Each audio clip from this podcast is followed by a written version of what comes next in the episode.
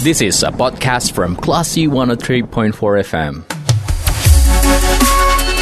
Saatnya Anda mencermati program manajemen praktis with Iskandar Z Lubis. Just make it simple.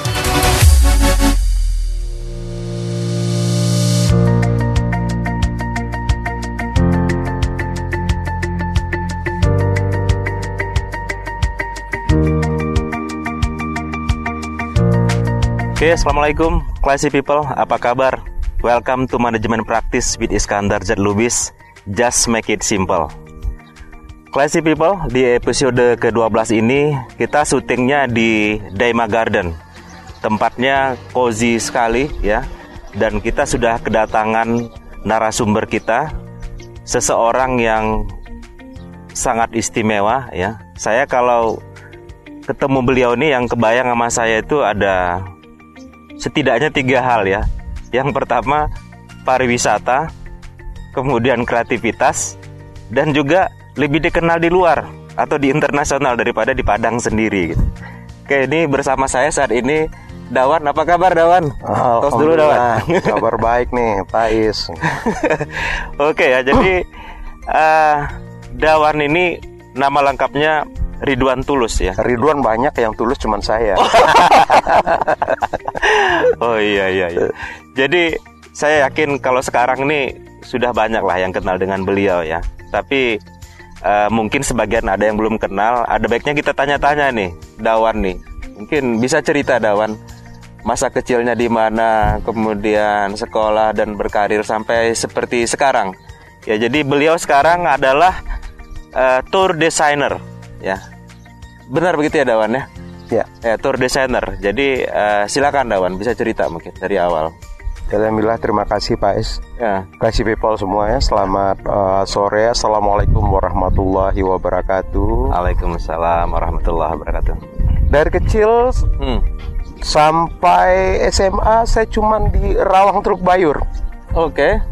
Berarti asli Padang sekali ya? Dawan? Asli Padang sekali. Oke, oke. Nah, itu daerah kecil yang dekat dengan pelabuhan. Oke. Eh, memang masa kecil saya itu SD juga di sana, SMP juga sampai SMA-nya. Hmm. Baru akhirnya melanjutkan pendidikan di STBA Prayoga Oke. sampai selesai. Hmm. Jarang keluar dari Padang. Jarang keluar dari Padang. Sampai kapan itu? Karena terakhir saya tahunya tiba-tiba udah di Jepang aja itu Dawan. Tapi setelah saya mengenal pariwisata, akhirnya saya banyak di luar daripada di Padang sendiri Oh. Oke, akhirnya. Oke oke oke sih. Memang dulunya eh,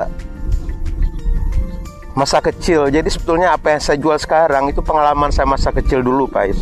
Oke. oke. Saya alhamdulillah waktu kecil punya teman yang saya pikir itu cukup jenius. Hmm. Sehingga untuk menamatkan satu SMA-nya, dia perlu kalau nggak salah 10 SMA baru dia bisa sampai tamat. Oh. Kita dulu waktu kecil bahkan punya kelompok padahal waktu SD nih. Iya iya iya. Nama kelompok itu udah namanya Villa di Markon. Villa de Marton. Nah, di Markonnya adalah uh, singkatan dari di antara marah dan konsentrasi, bukan belajar, bukan bahasa anak SD lagi gitu. Oke, Sampai-sampai kita waktu itu ada lima orang waktu itu. Hmm. Eh, sampai-sampai waktu itu kita memang punya eh, semacam eh, gudang ya. Cuman yang bisa buka gudang tuh cuman kita berlima. Begitu juga sampai akhirnya waktu kecil karena teman saya sangat jenius kita mendesain sebuah sepeda yang sepeda itu akhirnya bisa dimuat dengan lima orang juga. Oke. oke. Hmm, itu Wahid Yasri itu. Sayang udah meninggal dia. itu orang yang lebih yang cukup banyak membuat pengaruh Iya, buat iya. saya gitu. Satu saat kalau yang yang berempat lagi yang masih ada mungkin perlu reuni juga ya.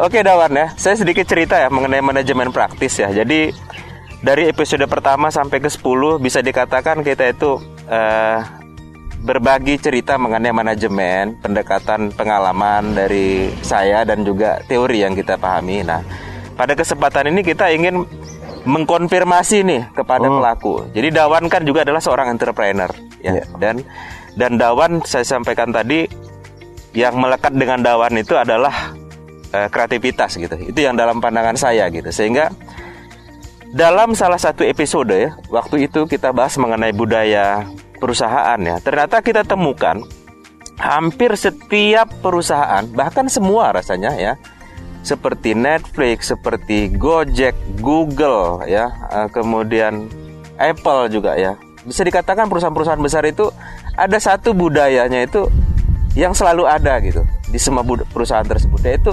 inovasi dan kreativitas gitu.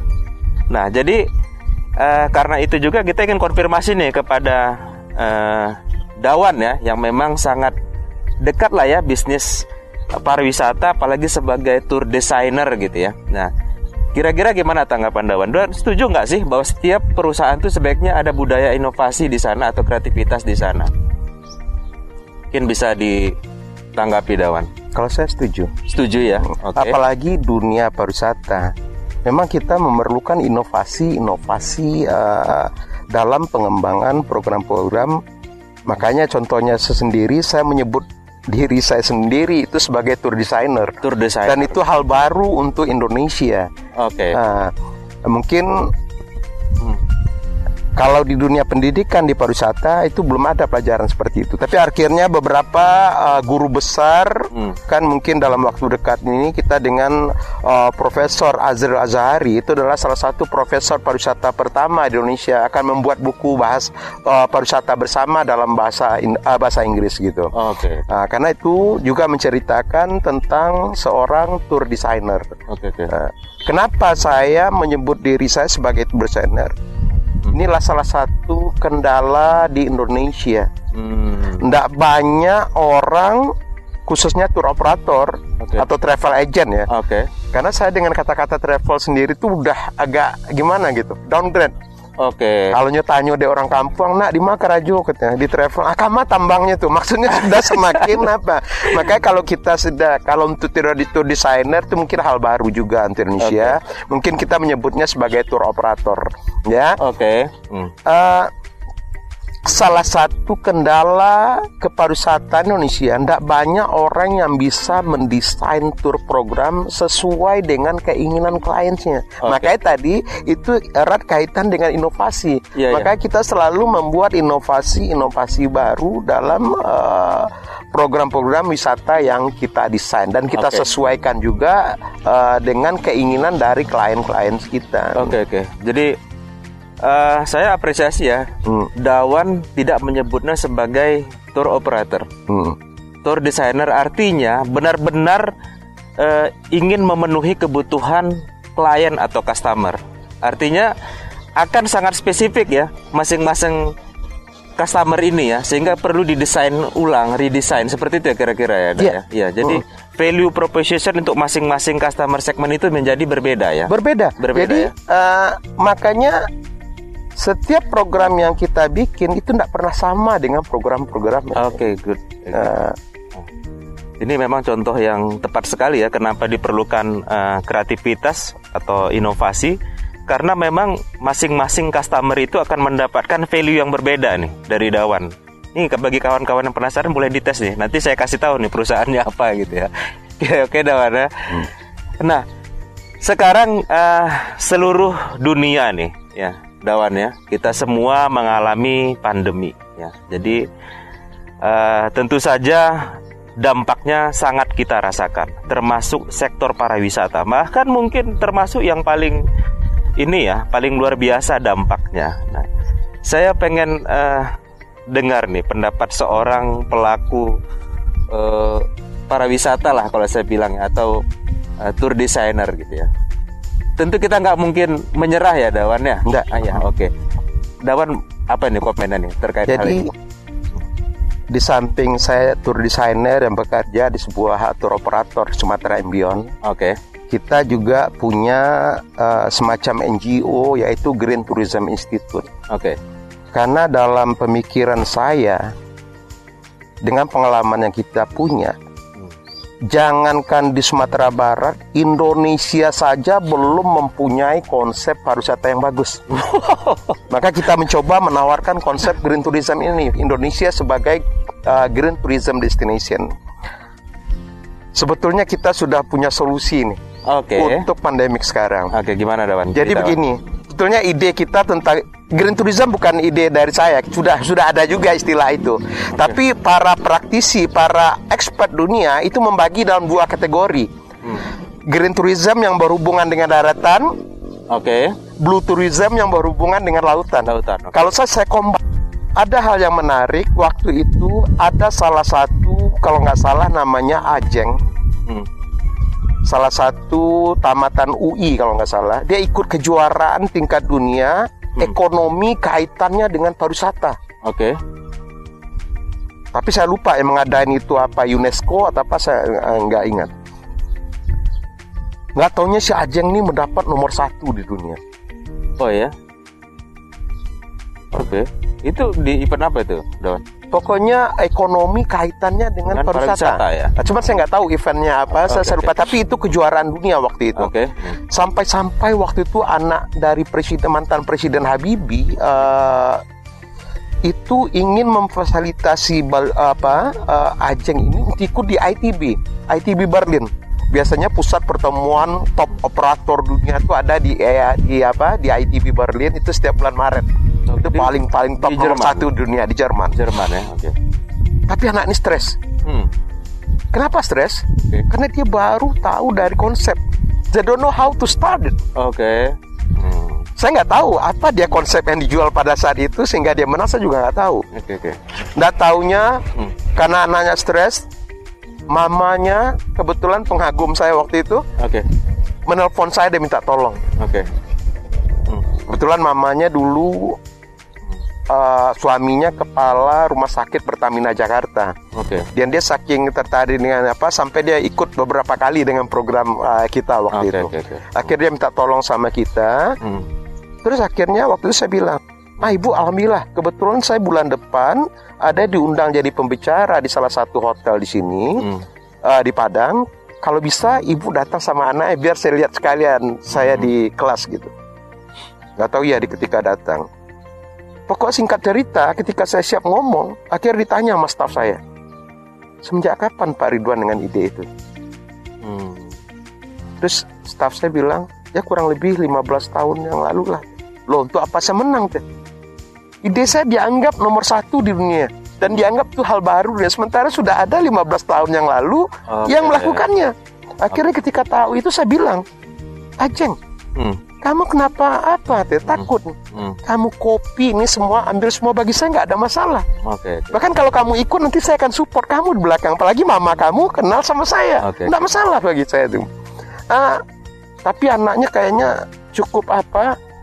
eh, sehingga dia betul-betul tidak menghiraukan tentang penghargaannya. saya Oh, juga oke, oke, oke. saya mencari konteks sehingga dalam konteks karena waktu itu saya mendapat penyakit yang cukup eh, eh, lama sehingga banyak lupa gitu. Iya, iya. Jadi saya nggak nggak ingat lagi. Dan begitu juga ketika saya mulai sehat di 2018, Hmm. kebetulan saya pernah satu apa Menteri Pariwisata waktu itu zaman Pak Arif Yahya minta tolong untuk mempromosikan kita di Eropa dan Asia. Hmm. Yang waktu di Eropa enaknya itu yang mewakili staf saya Hmm. Andi namanya, juga anak muda yang luar biasa yang menyelamatkan saya gitu. Oke oke. Eh, lucunya ketika dia jualan baru buka booth di apa, Ya. seorang lelaki tua datang dan langsung menyindir. Hmm.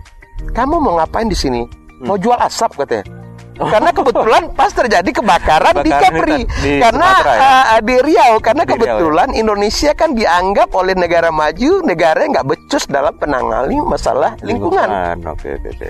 Akhirnya untunglah, alhamdulillah eh, staf saya dengan apa eh, bisa mengajaknya duduk dan menceritakan semua program kita tentang green tourism. Akhirnya dia kaget. Oke. Di show program kata.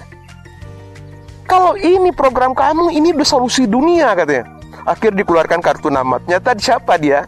Dia adalah perwakilan Belgia untuk eh, PBB dan perwakilan Belgia untuk MEE, Masyarakat Ekonomi Eropa. Hmm. Tolong kirim proposal segera. Kalau layak, gua yang akan proof katanya. Oke, oke, oke. Cuman itulah kadang anggota kita cukup apa, agak sombong gitu untuk ngasih proposal. Hmm. Udah pandemik baru dikirim proposal, akhirnya tolak. dan A. Eh. Makanya saya bilang, dan alhamdulillah lima bulan sebelum pandemik saya diundang untuk memberi program uh, kuliah umum di program master biologi di ITB. Oke. Hmm. Ah, ini sebetulnya menjadi solusi pariwisata Indonesia, Ben. Karena waktu secara bicara di depan para ahli biologi di ITB, Oke. saya biasanya bicara kalau biologi saya bicara biologi pariwisata kaitannya dengan biologi. Saya justru bicara tentang forest healing dan oceanic healing. Oke. Bagaimana membuat destinasi yang menyehatkan. Ya, Oke. De- bagaimana hutan bisa menyehatkan dan lautan juga menyehatkan. Alhamdulillah ternyata waktu itu ada salah satu uh, yang kebetulan yang punya buku tentang forest healing Indonesia profesional. Akhirnya sekarang mencoba mengembangkan itu di saat destinasi uh, di saat pandemik sekarang sebagai destinasi yang menyehatkan. Oke, oke. Menarik sekali Dawan ya. Jadi kalau saya simpelkan dan sudah dielaborasi oleh Dawan menurut saya cukup detail ya bahwa salah satu solusi ya Hmm. atau kita katakan solusi untuk masalah pariwisata pada saat pandemi adalah green tourism. Ya, Green Hmm, tourism. ya. Hmm.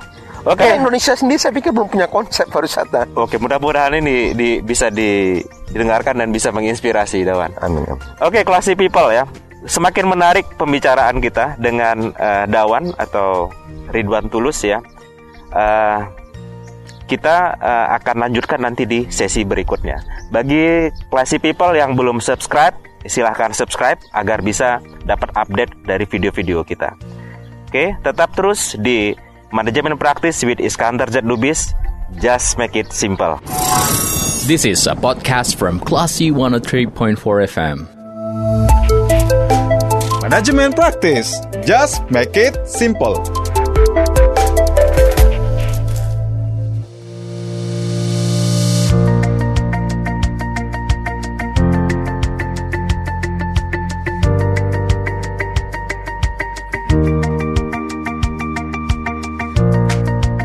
Hai classy people, kita masih di manajemen praktis with Iskandar Z Lubis. Just make it simple. Di segmen kedua, di episode ke-12 ini, kita masih bersama dengan narasumber kita, eh, Ridwan Tulus, atau saya biasa memanggil beliau Dawan, ya. Oke classy people, sebelum kita lanjutkan segmen kedua di episode ke-12 ini bersama narasumber kita, eh, Ridwan Tulus atau Dawan, ya. Saya ingatkan kepada classy people yang belum subscribe, silahkan di, di subscribe, jangan ragu-ragu ya, agar mendapatkan video-video terbaru yang akan kita buat. Dan juga silahkan komen jika ada masukan-masukan ataupun mungkin pertanyaan untuk manajemen praktis, sehingga kita bisa improve lagi manajemen praktis ini bisa lebih baik lagi. Oke, Dawan, di segmen pertama kita terakhir eh, sempat membahas mengenai solusi pariwisata untuk Indonesia di masa pandemi. Ya, Dawan waktu itu menjawab bahwa solusinya adalah eh, green tourism. Tadi ya di episode perta di segmen pertama sempat ada penjelasan dari Dawan. Saya tapi saya pengen Dawan mengelaboratnya lebih lebih dalam lagi. Seperti apa sih sebenarnya green tourism itu gitu sehingga classy people bisa mendapatkan uh, penjelasan yang lebih clear gitu. Kira-kira Oke, seperti terima apa? kasih Pak Is. Oke. Jadi seperti yang saya sampaikan di atas tadi, Hmm. jangankan di Sumatera Barat, Indonesia saja belum mempunyai konsep pariwisata yang bagus. Oke. Maka kita dari Green Tourism Institute mencoba menawarkan Indonesia sebagai Green Tourism Destination. Green tourism destination. Apa itu Green Tourism? Pertama kali, orang biasa kalau bicara green selalu ke lingkungan duluan. Iya. Kalau kita ndak, kita membuat manusianya dulu. Makanya pertama sekali dalam poin dalam green tourism itu adalah protect the culture. Ndak merusak budaya tapi justru mengangkat budaya yang sudah ada. Protect the culture. Hmm. Oke. Jadi manusia yang kita gimana membuat protect the culture dulu. Hmm. Karena setiap destinasi itu berbeda, Pak Is. Oke. Apa yang cocok di Bali belum tentu cocok di Sumbar, apalagi Sumbar Hmm. ada Basandi Sara, Sara Basandi Basandi kita ulah. Ah, oke. Kita kan nggak bikin nggak istilahnya nggak mungkin kita bikin eh, arah-arah yang eh, pariwisata yang arah ke kiri gitu kan. Oke, oke, tanda kutip. Nah, yang tanda kutip ya. Oke, oke. Makanya itu tadi Eh. protect the culture dulu. Oke. Jadi gimana setiap program di suatu tempat kita melakukan itu protect the culture, tidak merusak budaya tapi justru mengangkat budaya yang sudah ada. Bahkan ini menjadi suatu pengalaman yang menarik buat tamu-tamu karena dia ingin merasakan suasana originalitas di suatu perkampungan dan Oke. budaya yang Oke, unik. oke. Ya. Saya dapat poinnya. Oke. Jadi tidak merusak budaya. Terus yang kedua, bagaimana pengembangan pariwisata yang protect the nature, tidak merusak alam tapi memperkaya alam. Oke. Dan ini juga salah satu cara membuat mereka ingin datang dan datang lagi. Oke. Karena di setiap program yang kita desain khusus, kita selalu melakukan yang namanya green action. Kita mengajak tamu kita untuk contoh eh, melakukan aksi penanaman mangrove Oke. dan penanaman terumbu karang. Pokoknya aktivitas yang berhubungan dengan lingkungan, Oke. ya. Contohnya penanaman terumbu karang. Hmm. Dia menanam terumbu karang, bernamakan nama mereka, nanti kita tanam di laut. Hmm. Nanti enam bulan kemudian ketika ada tumbuh kita foto kita kirim lagi. Akhirnya mereka ingin datang dan Oke, sesuatu. good, good, karena good, mereka ingin datang kembali karena mereka punya sesuatu di sini. Jadi tidak merusak alam tapi Bahkan justru memperkaya alam. memperkaya alam. Dan ini juga strategi kita gimana mereka ingin datang, datang dan datang lagi. Karena they have something here. Menarik sekali nih. Nah, terus yang ketiga, Ya. Ini permasalahan di mana pun objek wisata yang ada. Nggak usah jauh-jauh, kita di Sumatera Barat yang banyak tukang pala, preman. Ya. Alhamdulillah di setiap program kita zen itu nggak pernah ketemu. Karena dalam ketiga ini adalah gimana empower dan bring benefit for local people. Bagaimana setiap program wisata yang kita lakukan di sana kita mengajak masyarakat, Terlibat. melibatkan mereka, dan insya Allah bisa membawa keuntungan langsung untuk masyarakat mereka. setempat.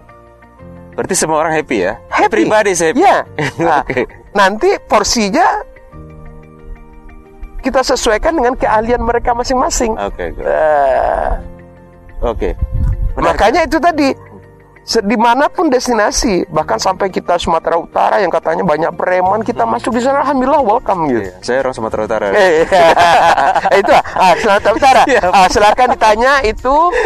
Maka kalau nggak salah di zaman gubernurnya yang lama saya sampai diundang khusus karena ah, beliau mengasih penghargaan khusus karena ketika banjir bandang hancur di Loser dulu kita Oke. membangkitkan lagi ah, daerah sana itu cukup banyak kontribusi kita dan alhamdulillah ah, ini luar biasa nih menjadi tempat wisata ya. Di Alhamdulillah, Bahorok, ah, di Bahorok. Bukit Lawang. Dan alhamdulillah nih ada sesuatu nih karena ini karena bicara orang kampung nih. Iya. alhamdulillah adik-adik yang kita bina. Jadi biasanya kita Pak Is Hmm. di setiap suatu daerah kita selalu membina masyarakat masyarakat setempat dan insya Allah dia akan menjadi pelakunya. Makanya saya mungkin pernah kita cerita dulu ya. Saya justru merasa kaya itu Hmm. ketika sudah hilang semuanya. Oke. Ya. Jadi kan alhamdulillah lah saya baru istilahnya dikasih kesempatan kehidupan kedua nih. Sebetulnya dari 2009 Hmm. sampai 2015 itu saya mengalami perjalanan aneh lah. Enam tahun. Hmm. Oke oke. Itu yang parahnya. Sebetulnya sampai sekarang sampai sekarang sebetulnya nggak boleh bawa mobil apa Oke, semuanya. oke. Maka ke mana-mana jalan kaki. Ini ujian buat kita karena dulu ke mana jalan kaki, akhirnya ke mana-mana jalan kaki. Eh, tapi alhamdulillah ketika saya mulai apa lagi itu sepertinya saya banyak mengagumi anak-anak muda di Indonesia khusus di dunia pariwisata yang Hmm. punya apa ya ternyata idenya dari kita Oke. Wah, Alhamdulillah itu salah satu yang di Sumatera Utara itu bahkan kita sekarang sudah mempunyai kalau menurut Jakarta Post ini Eh. itu the world largest eco brick in the world. Eco break. Ya, jadi kita untuk mengurangi limbah plastik eh, kita dengan masyarakat setempat. Jadi adik-adik di sana yang kita didik namanya Sabarata Subangun Oke.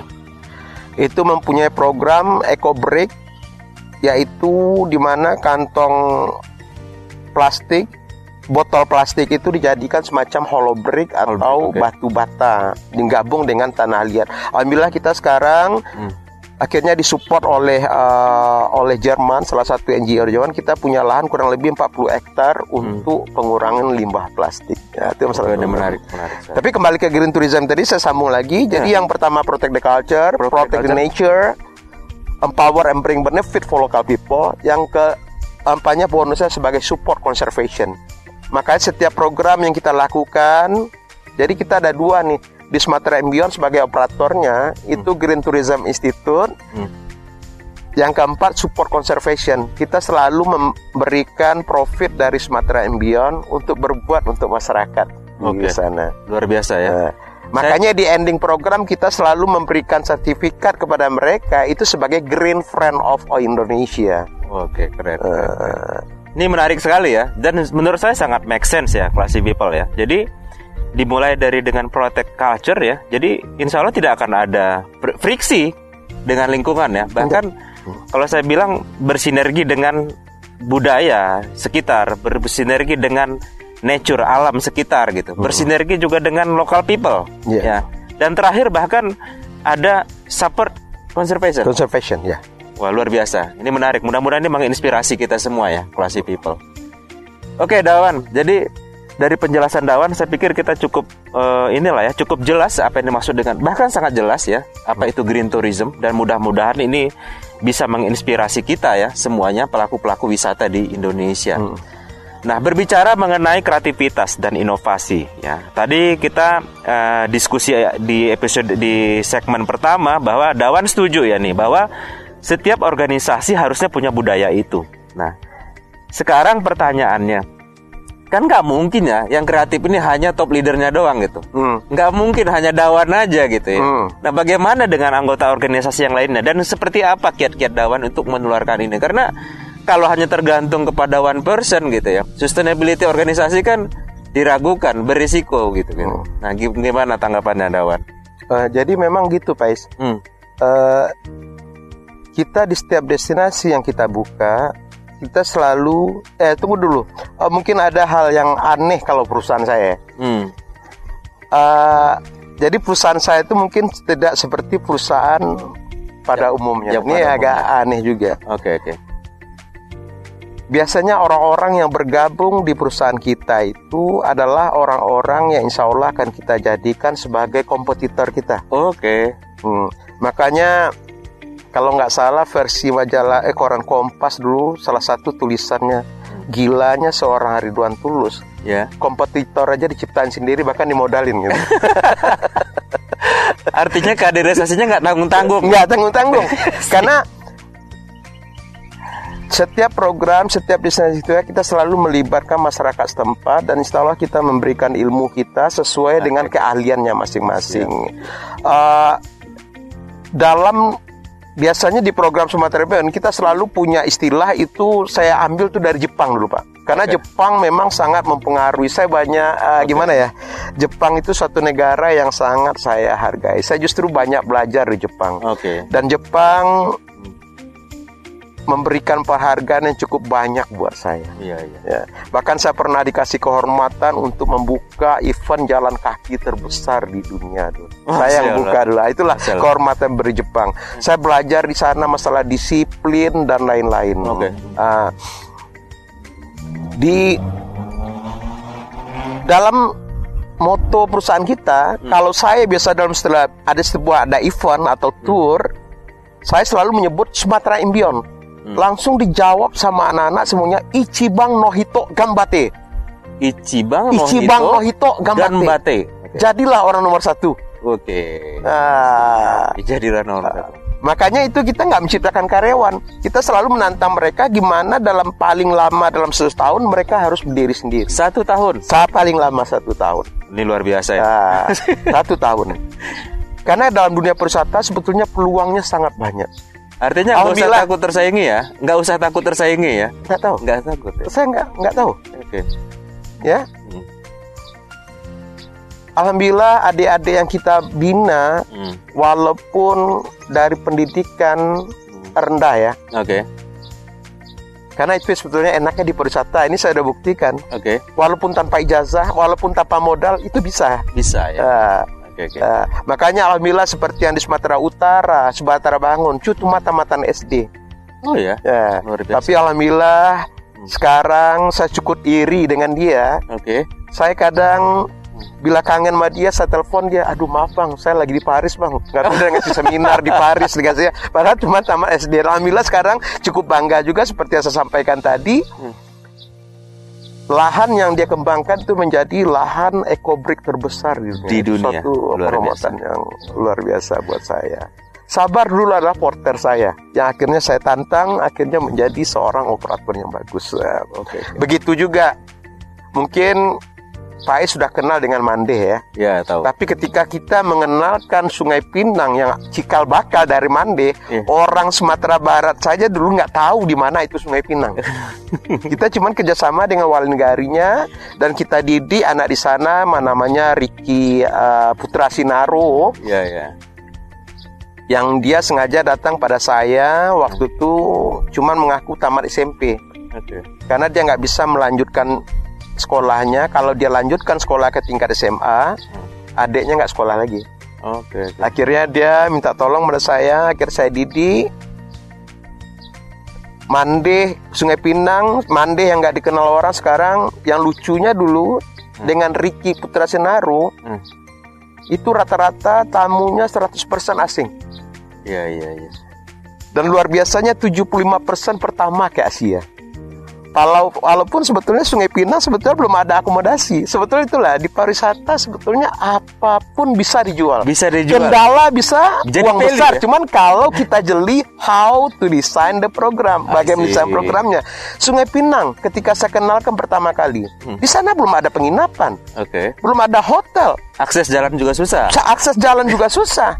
Akhirnya apa saya jual di sana itu bagaimana menjadi nelayan, yaitu Wih. keahlian orang kampung. Keren, keren, keren. Jadi mereka jadi nelayan gitu di sana. Belajar jadi nelayan di sana. keren. Nah, sambil secara uh, otodidak akhirnya kita ajarkan mereka berbahasa Inggris, bagaimana membuat uh, sarapan pagi yang bagus untuk Oke. sarapan ibu-ibu PKK semua kita libatkan gimana memasak dan itu anak-anak mudanya juga gimana involve dalam program tersebut. Kalau nggak salah nggak sampai 2 tahun akhirnya itu menjadi apa? Dan saya cukup bangga juga anak-anak yang walaupun dari pendidikannya tidak tinggi, tapi itu tadilah mereka Bisa sudah banyak ya? berbuat dan menciptakan banyak sarjana. Jadi alhamdulillah itulah saya cukup bangganya.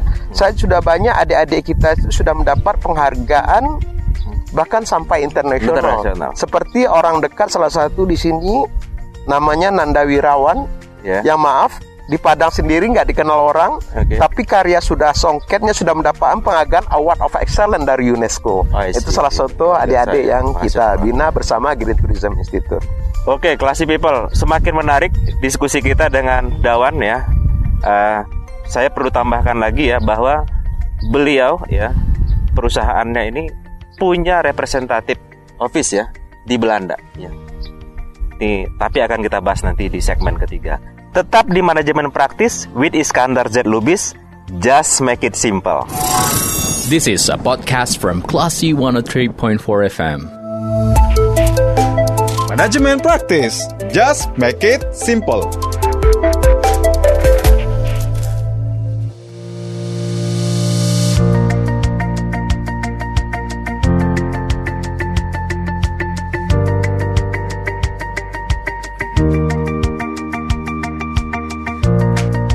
Hai classy people, kita masih di manajemen praktis with Iskandar Z Lubis.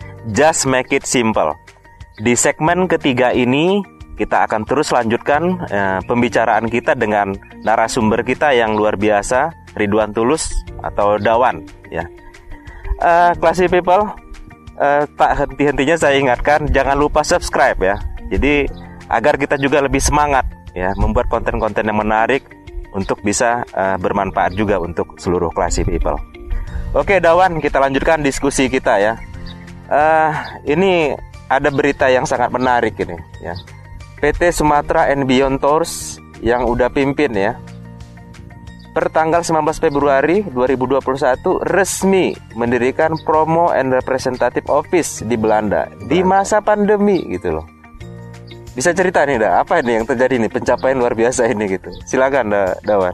Ya itu tadi, eh, alhamdulillah saya cukup merasa bahagia. Ya. Seperti yang saya sampaikan tadi, saya baru sehat kembali. Ya, Tapi oke. alhamdulillah ketika mulai sehat, itu sepertinya ide-ide kita Hmm.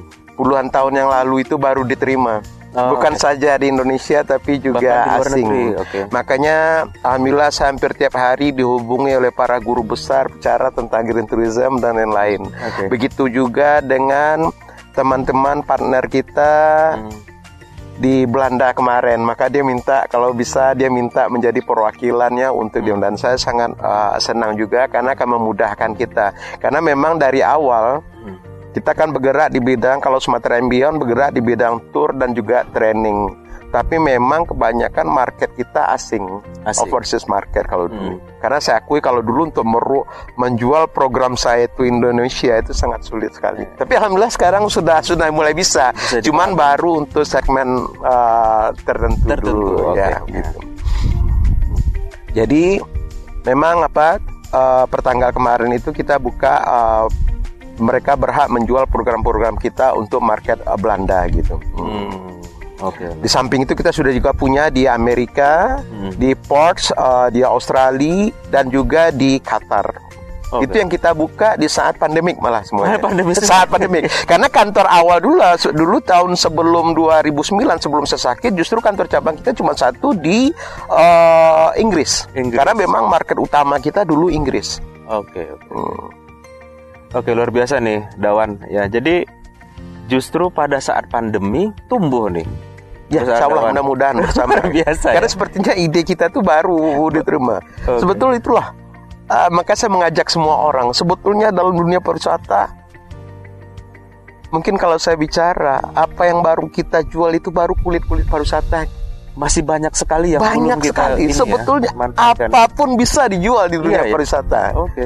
Ya. Ya saya tadi tertarik yang tadi Dawan bilang akses jalan yang susah itu malah menjadi Uang besar. value ya. Ya, ini Menjadi contoh salah satu salah satu program yang kebetulan di kampung nih Pak Pak Pak Ais ini Iya. di Sumatera Utara. Oke. Gimana gara-gara ide sederhana saya akhirnya bisa menyelamatkan sebuah konservasi gajah dan bisa menyumbang kalau sebelum pandemik itu minimal 25 juta per hari.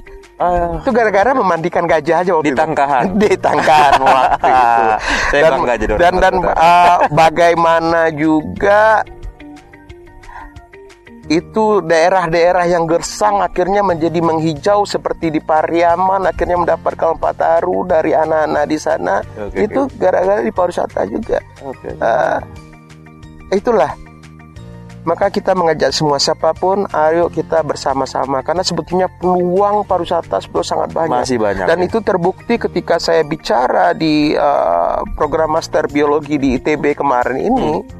itu seba para dokter dan profesor sebetulnya baru terbuka sebetulnya ini peluang besar juga yang selama ini ya kadang ini nggak dia disadari Eh, contohnya di kampus-kampus khususnya di biologi alasan orang pertama untuk datang ke suatu daerah Hmm. itu sebetulnya melihat flora dan faunanya itu salah satu Itu yang utama. Itu Nah, yang ya ahli kan orang biologi, Iya, iya, tapi benar. semer- selama ini mereka nggak menyadari baru sekedar riset.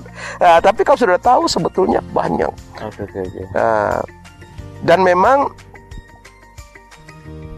dan juga banyak yang bertanya waktu itu, Is.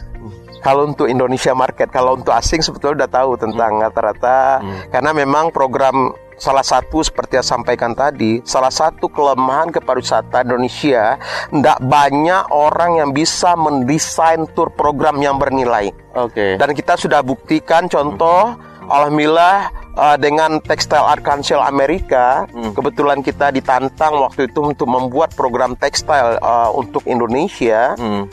Alhamdulillah mereka presidennya waktu itu Mary Connors bilang Hmm. Dari tahun 92 dia keliling dunia untuk program tekstil, program kita yang terbaik dan terpanjang. Biasanya mereka cuma program selama 12 hari, ini program kita 24 hari Oke. dan program kita yang terbaik malah tour guide-nya tour guide kita yang eh, terbaik. Terbaik. Alhamdulillah kita selalu membuat program itu terbaik di setiap eh, corporate dan eh, klien-klien yang kita Ya, ya. bekerjasama. Kadang memang kalau orang Indonesia selalu berpikir masalah harga ya. Iya, saya sebenarnya itu pertanyaan berikutnya, tapi udah Ah, udah tapi nggak apa-apa. lanjutkan Dawan. Karena ya sorry saya sela sedikit ya Dawan. Ah. Perusahaan di tempat saya bekerja kan pernah juga meng-hire Iya, Dawan ya. Dan iya. Memang dulu kita menganggap, oh ini mahal sekali rate-nya kayak gitu ya. Hmm. Tapi baru kita sadari kemudian ternyata value yang diberikan juga gede. Cuman ah, bagaimana nih sikap Dawan nih mengha- apa kalau saya bilang ya menghadapi kondisi itu terutama di awal-awal gitu. Pada saat Dawan promo di Indonesia gitu ya. Saya yakin pertama-tama umumnya menganggapnya mahal atau mungkin ada Saya dulu memang kebanyakan memang menjual asing daripada dan kalaupun untuk Indonesia tuh baru segmen-segmen khusus baru. iya. Memang kalau orang tidak tahu kita, itu pertama dibilang harga kita pasti mahal. Selalu isunya harga. Isunya. Tapi lucunya setelah ikut tuh kebanyakan nambah bayar. nambah bayar. Hmm. Ya. Karena pengalaman tadi. Iya iya. Ya. iya. Jadi apa perbedaan kita dari perusahaan tour yang ada di Indonesia? Hmm. Apa perbedaan perusahaan kita dengan perusahaan training Indonesia? Kita nggak menjual tour. Kalau tour banyak yang pintar. Oke. Training, training banyak yang hebat. Ya. Tapi kebanyakan kita menjual pengalaman hidup dan kita yakin seumur hidupnya belum tentu dia dapat. Experience. ya. Experience. luar biasa. Memang itu tingkat Salah satu tertinggi itu. Nah. Dan saya bisa bermain banyak di sana gitu ya. Iya. Eh, maka kalau dilihat di video-video di program kita itu kadang banyak hal yang aneh dan lucu gitu. Kok mau gini ya dilakukan seperti ini? Tapi mereka justru eh, senang.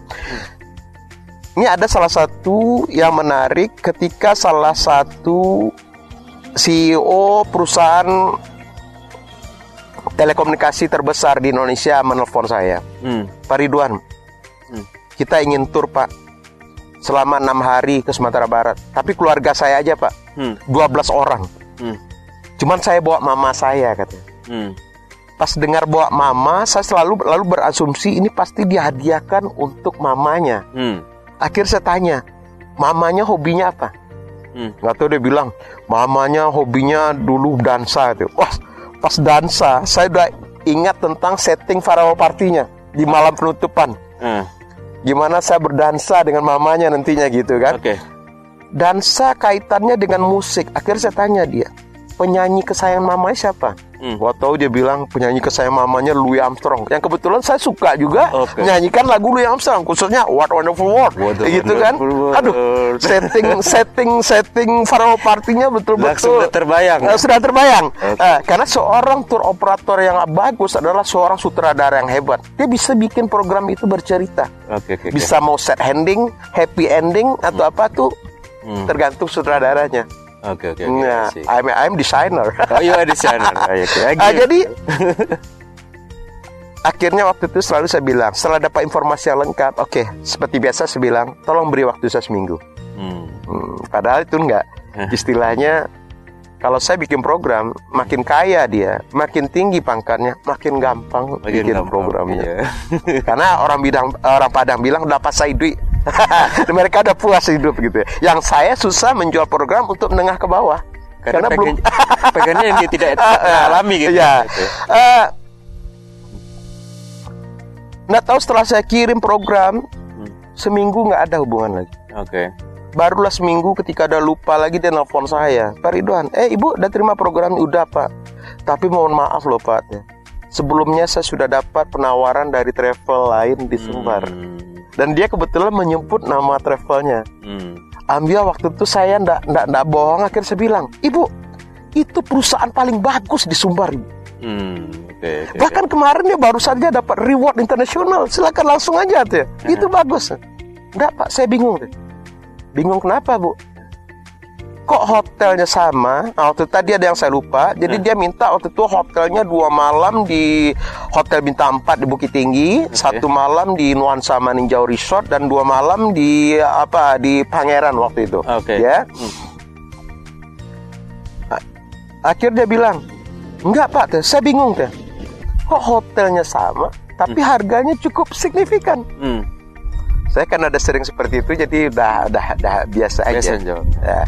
Saya waktu itu saya bilang, ibu sudah baca programnya belum? Udah sih pak. Cuman bedanya sedikit. Tapi yang saya lucu hotelnya sama, kok harganya cukup eh, signifikan. Karena biasanya konten terbesar dalam sebuah program wisata itu adalah hotel, salah satunya hotel. Iya, iya, iya. ya, selain transportasi. Iya, iya. Kalau saya betul-betul menjual program. Jadi mungkin hotel sendiri nilainya bisa rendah Iya, dibanding program itu sendiri. Oke oke. Eh, Ibu udah baca programnya belum? Udah sih Pak. Ya, Cuman dia tetap berkeyakin, tapi tetap kok hotelnya sama harganya cukup beda signifikan. sekali. Saya butuh penjelasan Pak. Akhirnya saya pancing waktu dan itu jawaban marketing saya yang paling bagus waktu itu. Oke oke. Eh, ibu suka kopi nggak? Wih suka banget katanya. Apalagi kopi luwak. Dan saya ketawa waktu itu. Loh, kenapa ketawa Pak Ridwan? Saya bingung ibu. Bingung kenapa? Ya. Bu, kenapa ya? Akhirnya saya mulai serius. Kenapa ya? Kalau kita minum kopi di emperan, Hmm.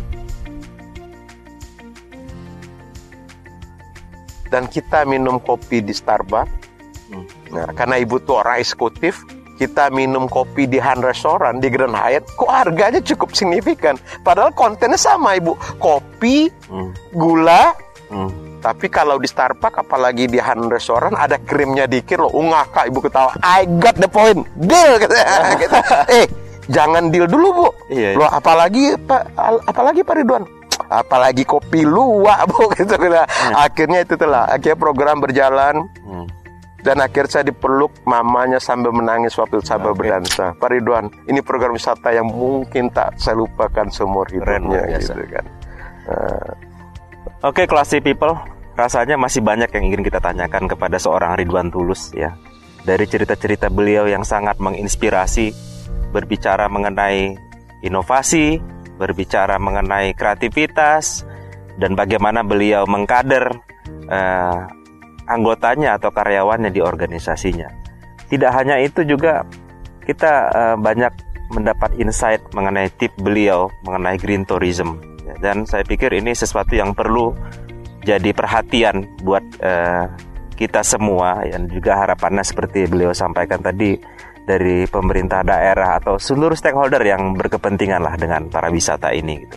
Perlu kita pertimbangkan green tourism di mana eh, wisata yang justru memprotek budaya sehingga logikanya tidak akan ada friksi ya dengan lingkungan sekitar ya dengan masyarakat sekitar dan juga memprotek nature ya bahkan memperkaya nature ya karena memang programnya itu justru melibatkan eh, si customer untuk ikut berpartisipasi untuk eh, meningkatkan eh, nature gitu lalu kemudian juga melibatkan masyarakat lokal atau mem- mem- memberdayakan ya empowerment masyarakat lokal dan memberi manfaat buat mereka.